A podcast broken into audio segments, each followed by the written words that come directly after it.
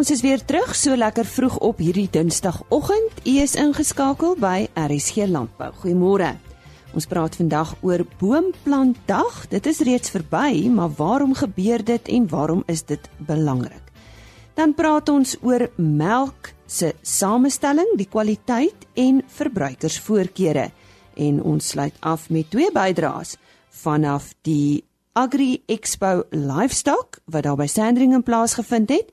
Ons praat met die nuutverkose president van die SA Holstein Teelers Genootskap en ook met 'n internasionale beoordelaar van Kanada wat onder andere die Holsteins tydens hulle nasionale kampioenskappe daar op Sandringham beoordeel het.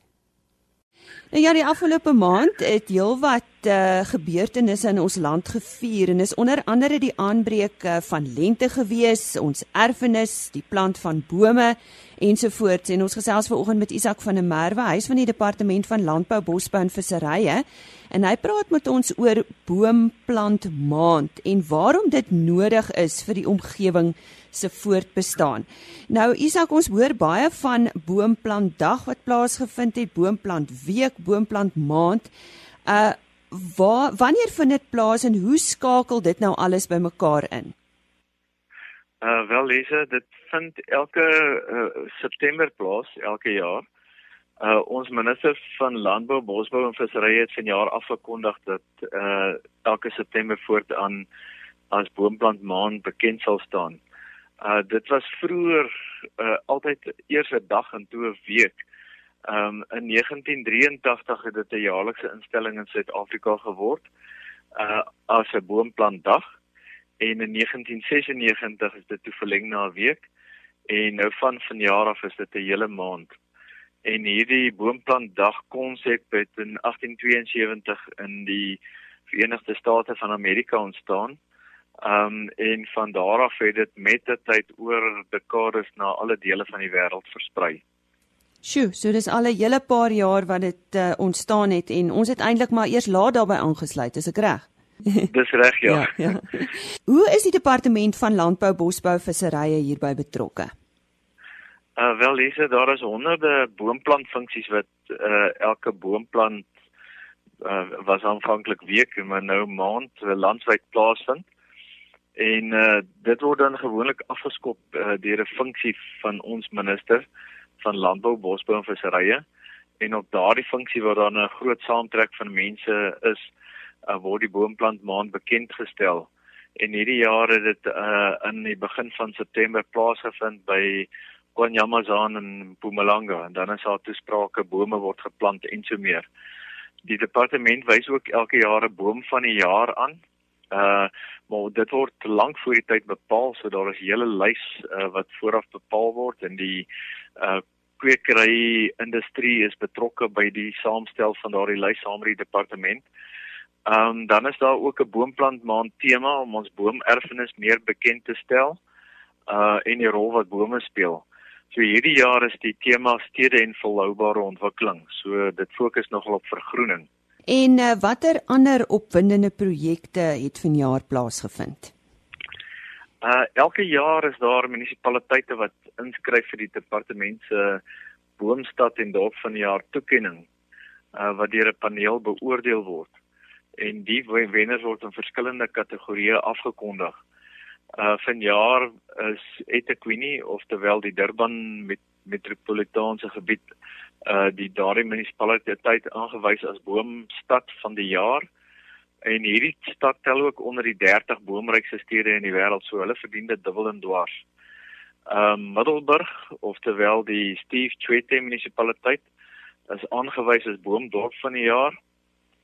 En dan is daar ook 'n derde kategorie, die uh plaaslike of die die die landelike dorp en uh, daar het uh, Dietla Beng plaaslike munisipaliteit uh ook 'n toekenning gekry. En hierdie is dan die stede en dorpe wat die meeste gedoen het vir vergroening die afgelope jaar volgens die beoordelaars. En dan is die departement ook betrokke by verskeie ander uh kompetisies soos byvoorbeeld die Gou Festival se bome is lewe kompetisie wat nou uh aan die einde van September elke jaar plaasvind.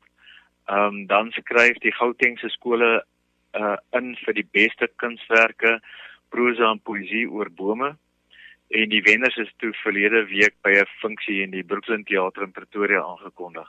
Hoekom is 'n inisiatief om die plant van bome aan te moedig so nodig? Uh wel, hierse bome speel 'n groot rol in ons lewe en dit maak ons stede en dorpe baie meer leefbaar.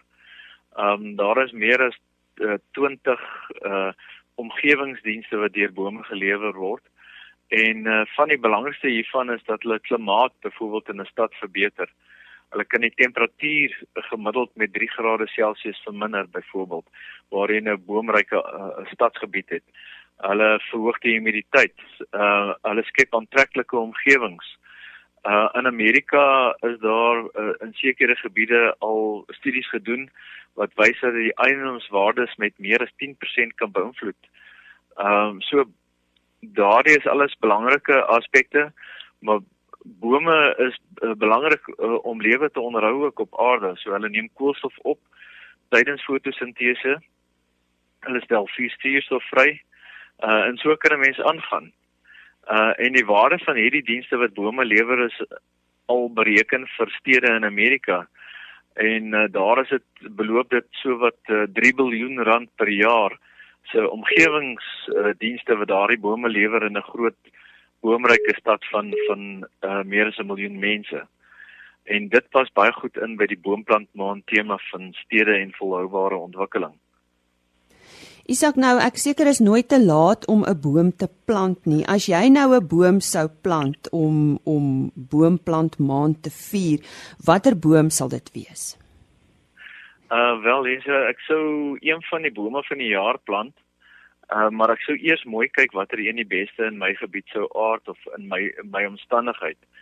Um ons bome van die jaar is die vier geelhout spesies wat in die land voorkom en dan het ons ook 'n sekondêre boom die die witgatwortelboom. Nou as ek kyk na die geelhoutbome dan uh, is daar 'n uh, pragtige bome uh, om uit te kies Outoniqua geelhoutbome uh die wat ook reusagtig groot word in die Nysna woude ehm um, waaronder die bekende Tsitsikamma groot boom tel en so aan. Uh hulle word te groot vir klein tuine. So mense moet hulle vir my in die klein tuine en eerder kyk na die ander geelhoute vir kleiner tuine. En daardie ou Teniqua geelhoute kry ook swaar met droogte. So mens moet hulle in die natter klimaatsgebiede eerder plant uh, of dan ten minste net af en toe water gee. Uh, dan is daar ook die opregte geelhout wat ons nasionale boom is, ook 'n pragtige boom. En benewens daardie twee spesies het ons ook die enkelse geelhout en die breë rivier geelhout.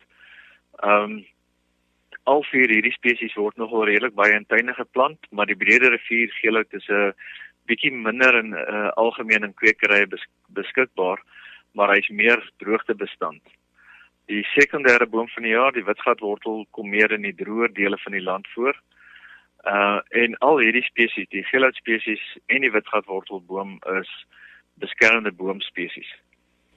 Nou ja, laat ons begin plant. Uh, ons het daar gesels met Isak van der Merwe, hy is van uh, bosboudienste by die departement landbou, bosbou en visserye. En moenie môreoggend se program misloop nie want dan gesels ons weer met Isak van der Merwe. Dan praat ons oor internasionale sluikhandel in hout. U sal verbaas wees om van hierdie syfers te hoor. En die redes waarom mense met hout smokkel. Melk is lankal nie meer net melk nie. Verbruikers soek na volroom, laafvet of selfs geen vetmelk, na gelang van hulle behoeftes en natuurlik die eetvoorkeure. Zani Veldsmann van Blend Foods kuier weer vandag by ons en uh, sy gesels oor melksamestelling en kwaliteit. Ons uh, hoor ook hoe jy as verbruiker kan verseker dat die melk wat jy koop wel veilig is om te drink. Nou Zani, baie dankie dat jy weer met ons kuier vanoggend. Verduidelik eers vir ons hoe presies lyk melk se samestelling. Baie dankie Lise. So melk se samestelling is baie interessant. Dit 7 en 87.5% van dit is water.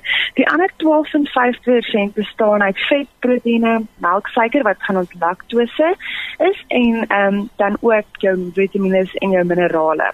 So laktose is 'n disakkariede wat beteken dit bestaan uit bestaan uit twee basiese suikers genaamd glikose en galaktose. Ehm um, melk bevat dan ook vitamiene soos vitamiene B12 en B6 en belangrike minerale soos kalsium.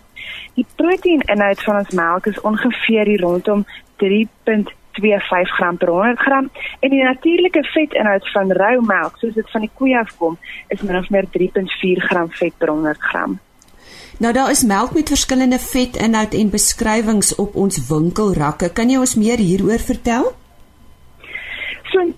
2018 het die departement van landbou 'n nuwe weergawe van die wetgewing rondom suiwelprodukte en in die wetgewing wat suiwelprodukte beskryf gepubliseer.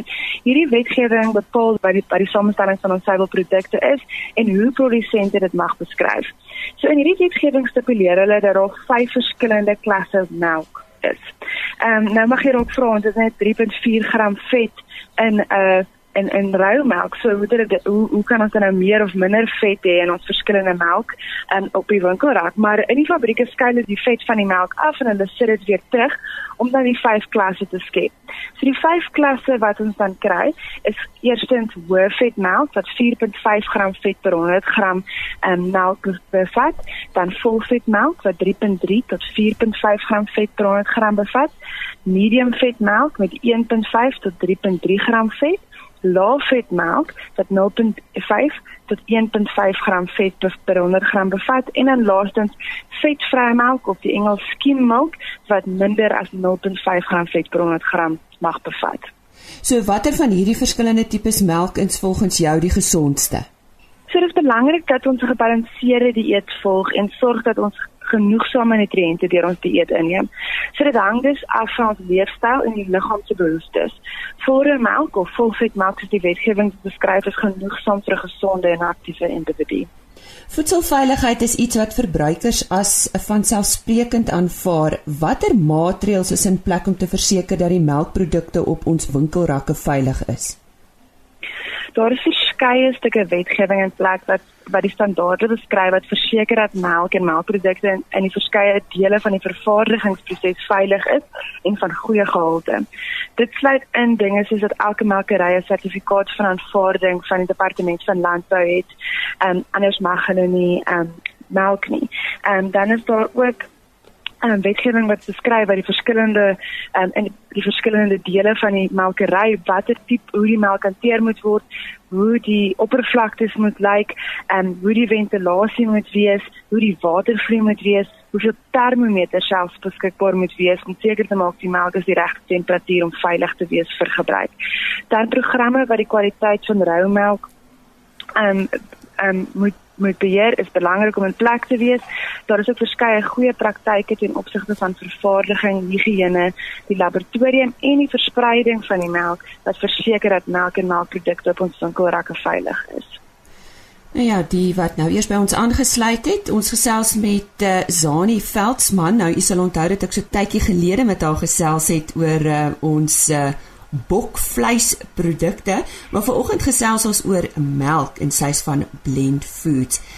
Zani, die tendens om rou melk te verkoop het ook vlam gevat. Wat presies is rou melk en is dit veilig om te gebruik?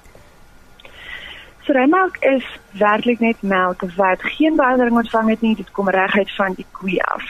Daar die enigste behandeling wat dit wel ontvang is dat dit verkoel word. Daar is verskeie maatreëls in plek wat wat van 'n wetlike oogpunt wat die hantering van roumelk beskryf om te verseker dat dit veilig is vir gebruik.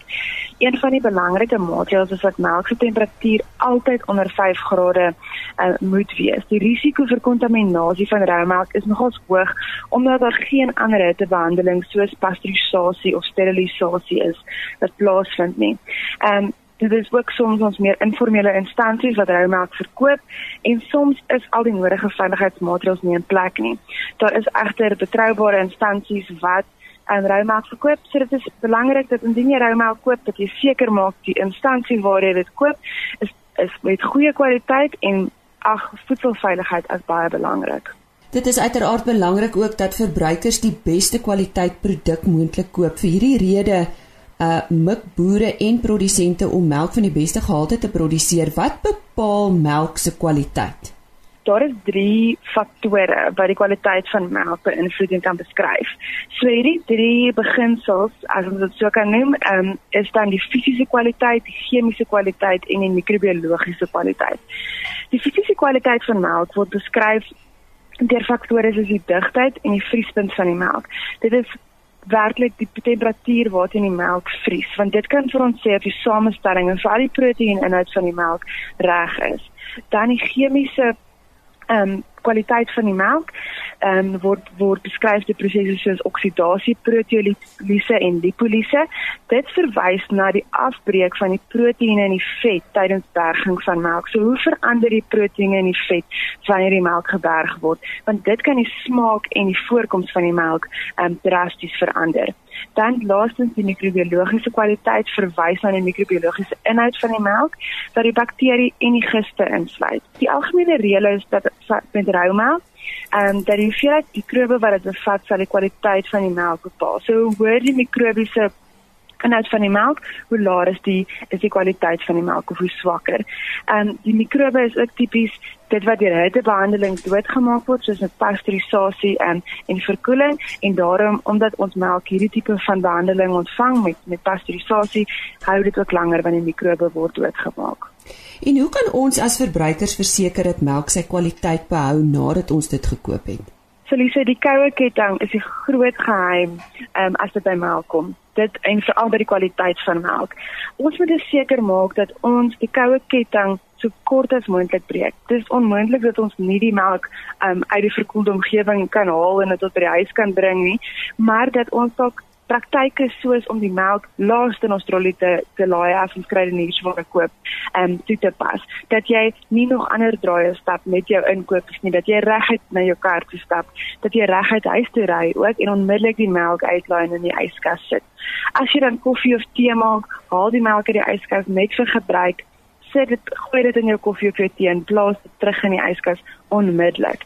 Ehm um, moenie dit op die op die op die op die tafel buite los nie. Dit geld ook vir langlewe melk. Langlewe melk kan teen kamertemperatuur gestoor word as dit nog nie oopgemaak is nie. Die oomblik as jy langlewe melk oopmaak, moet dit ook in die yskas geberg word om vars te bly vir so lank as moontlik. Sanie, 'n laaste vraag, hoeveel melk moet ons daagliks inneem as deel van 'n gebalanseerde dieet? Die departement van gesondheid het in het in, het in 2012 aan um, voedselgebaseerde dieetriglyne vir Suid-Afrikaners gepubliseer. In hierdie riglyne is daar 'n spesifieke riglyn net vir suiwel. En dit dit, dit skryf voor dat ons as 'n aktiewe volwassene 3 porsies suiwel mag inneem as deel van 'n gebalanseerde dieet. So wat is 'n porsie suiwel? Dit is 'n koppie melk of 100 ml gewone onversoete jogurt of 'n blokkie kaas nie groter as 'n vuurhoutjie boksie nie. Tjoe, nou ja, dis interessant. Ons sê daarmee baie dankie aan Zani Veldsmann van Blend Foods en sy het met ons gesels oor melk. Volgende aan die woord Jolandi Rood met ons nuutste wolpryse. Die wolmark het die week teruggesak en die Cape Wools Merino aanwyser daal met 3,8% en 892 punte om te sluit teen 'n waarde van R223.24 per kilogram verskoon wol. Die Australiese EMI daal met 1,2% die week. Die Cape Wools alle wol aanwyser daal met 3,9%. Die wolmark het laer verhandel weens die swakker vraag na lang en gemiddelde lengte fyn merino wol. Pryse vir lang wol het met gelyke mate tussen mikrogroepe gedaal terwyl gemiddelde lengte wol ook gedaal het, maar met groter variasie tussen die mikrongroepe. 'n Sterker rand het ook die prys verlaag. 94% van 'n relatiewe groot veiling is verkoop. Modiano het die meeste bale op die veiling gekoop. Altesaam 94,7% van die 8038 bale wat op die veiling aangebied is, is verkoop. Die grootste kopers op die veiling was Modiano met 2726 bale, Tianyu SA met 1698 bale, Standard Wool SA met 1683 bale en Stucken & Company met 900 bale. Die gemiddelde skoonwolpryse vir die seleksie binne die verskillende mikronkategorieë goeie langkamwol tipes was soos volg: 18 mikron daal met 4,4% en sluit teen R257,85 per kilogram. 18,5 mikron neem af met 4,4% en sluit teen R251,84 per kilogram. 19 mikron verlaag met 4,4% en sluit teen R242,18 per kilogram. 19,5 mikron verswak met 4,1% en sluit teen R241,25 per kilogram. 20 mikron is 4,1% af en sluit op R233,73 per kilogram. 20,5 mikron is 3,9% swakker en sluit op R230,26 per kilogram. 21 mikron verlangsaam met 3,9% en sluit op R229,70 per kilogram. 21,5 mikron het 3,9% afgeneem en sluit op R220,44 per kilogram.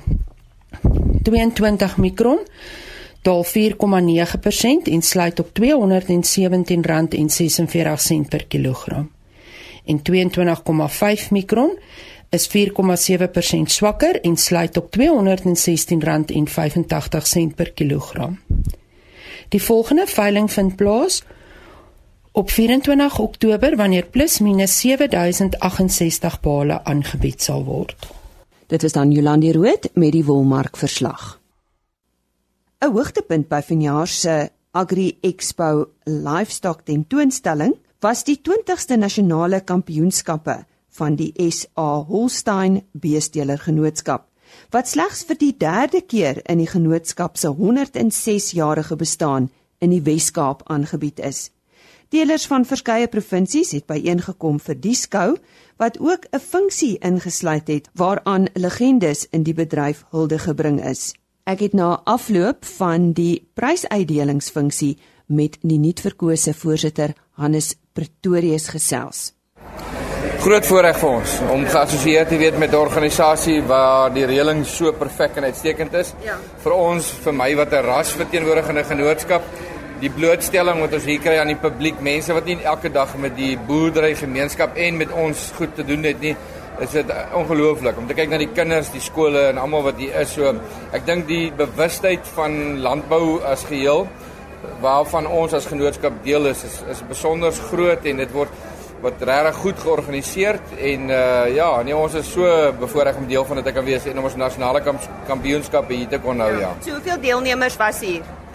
Ons het uh dis jammer die melkbedryf is heidaglik ongeweldig gedruk. So die teelers het maar ons is so 8 teelers wat hier is met so 60 61 diere wat deelgeneem het in ons nasionale kampioenskappe. Uh wat maar 'n teken van die tye is heidaglik waarin onder die boere verkeer. Ek meen en ek moet dit sê dat ons melkbedryf is ge, onder geweldige druk heidaglik.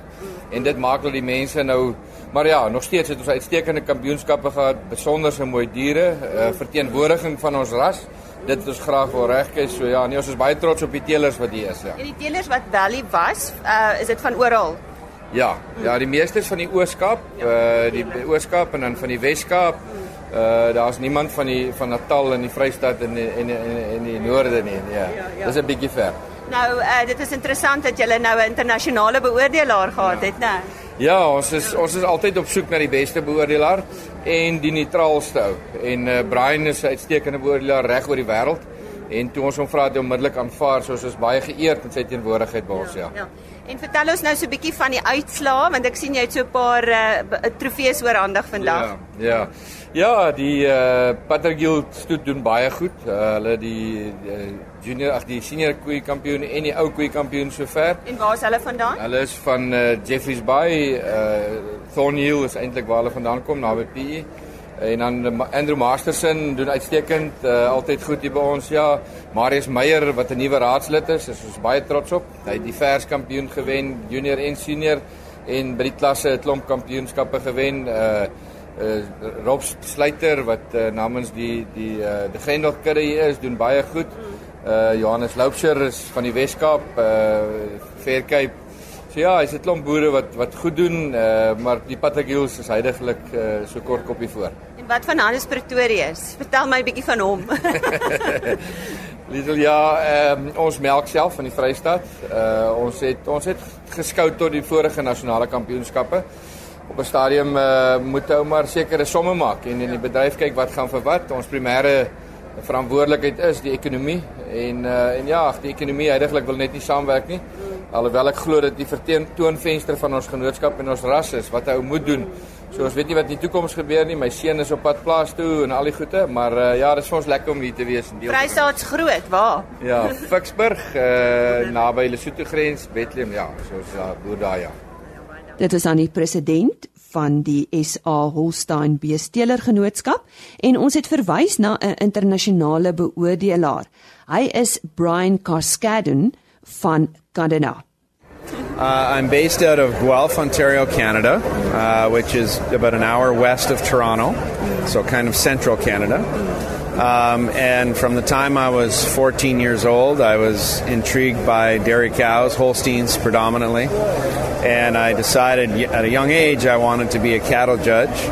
Um, and I've done a lot of that now. I've been in over 29 countries now, I think, uh, judging but I, it also complements my role with CMEX, where I am a product acquisition specialist and I purchase bulls for CMEX uh, to create offspring for farmers around the world uh, that'll make. First time here?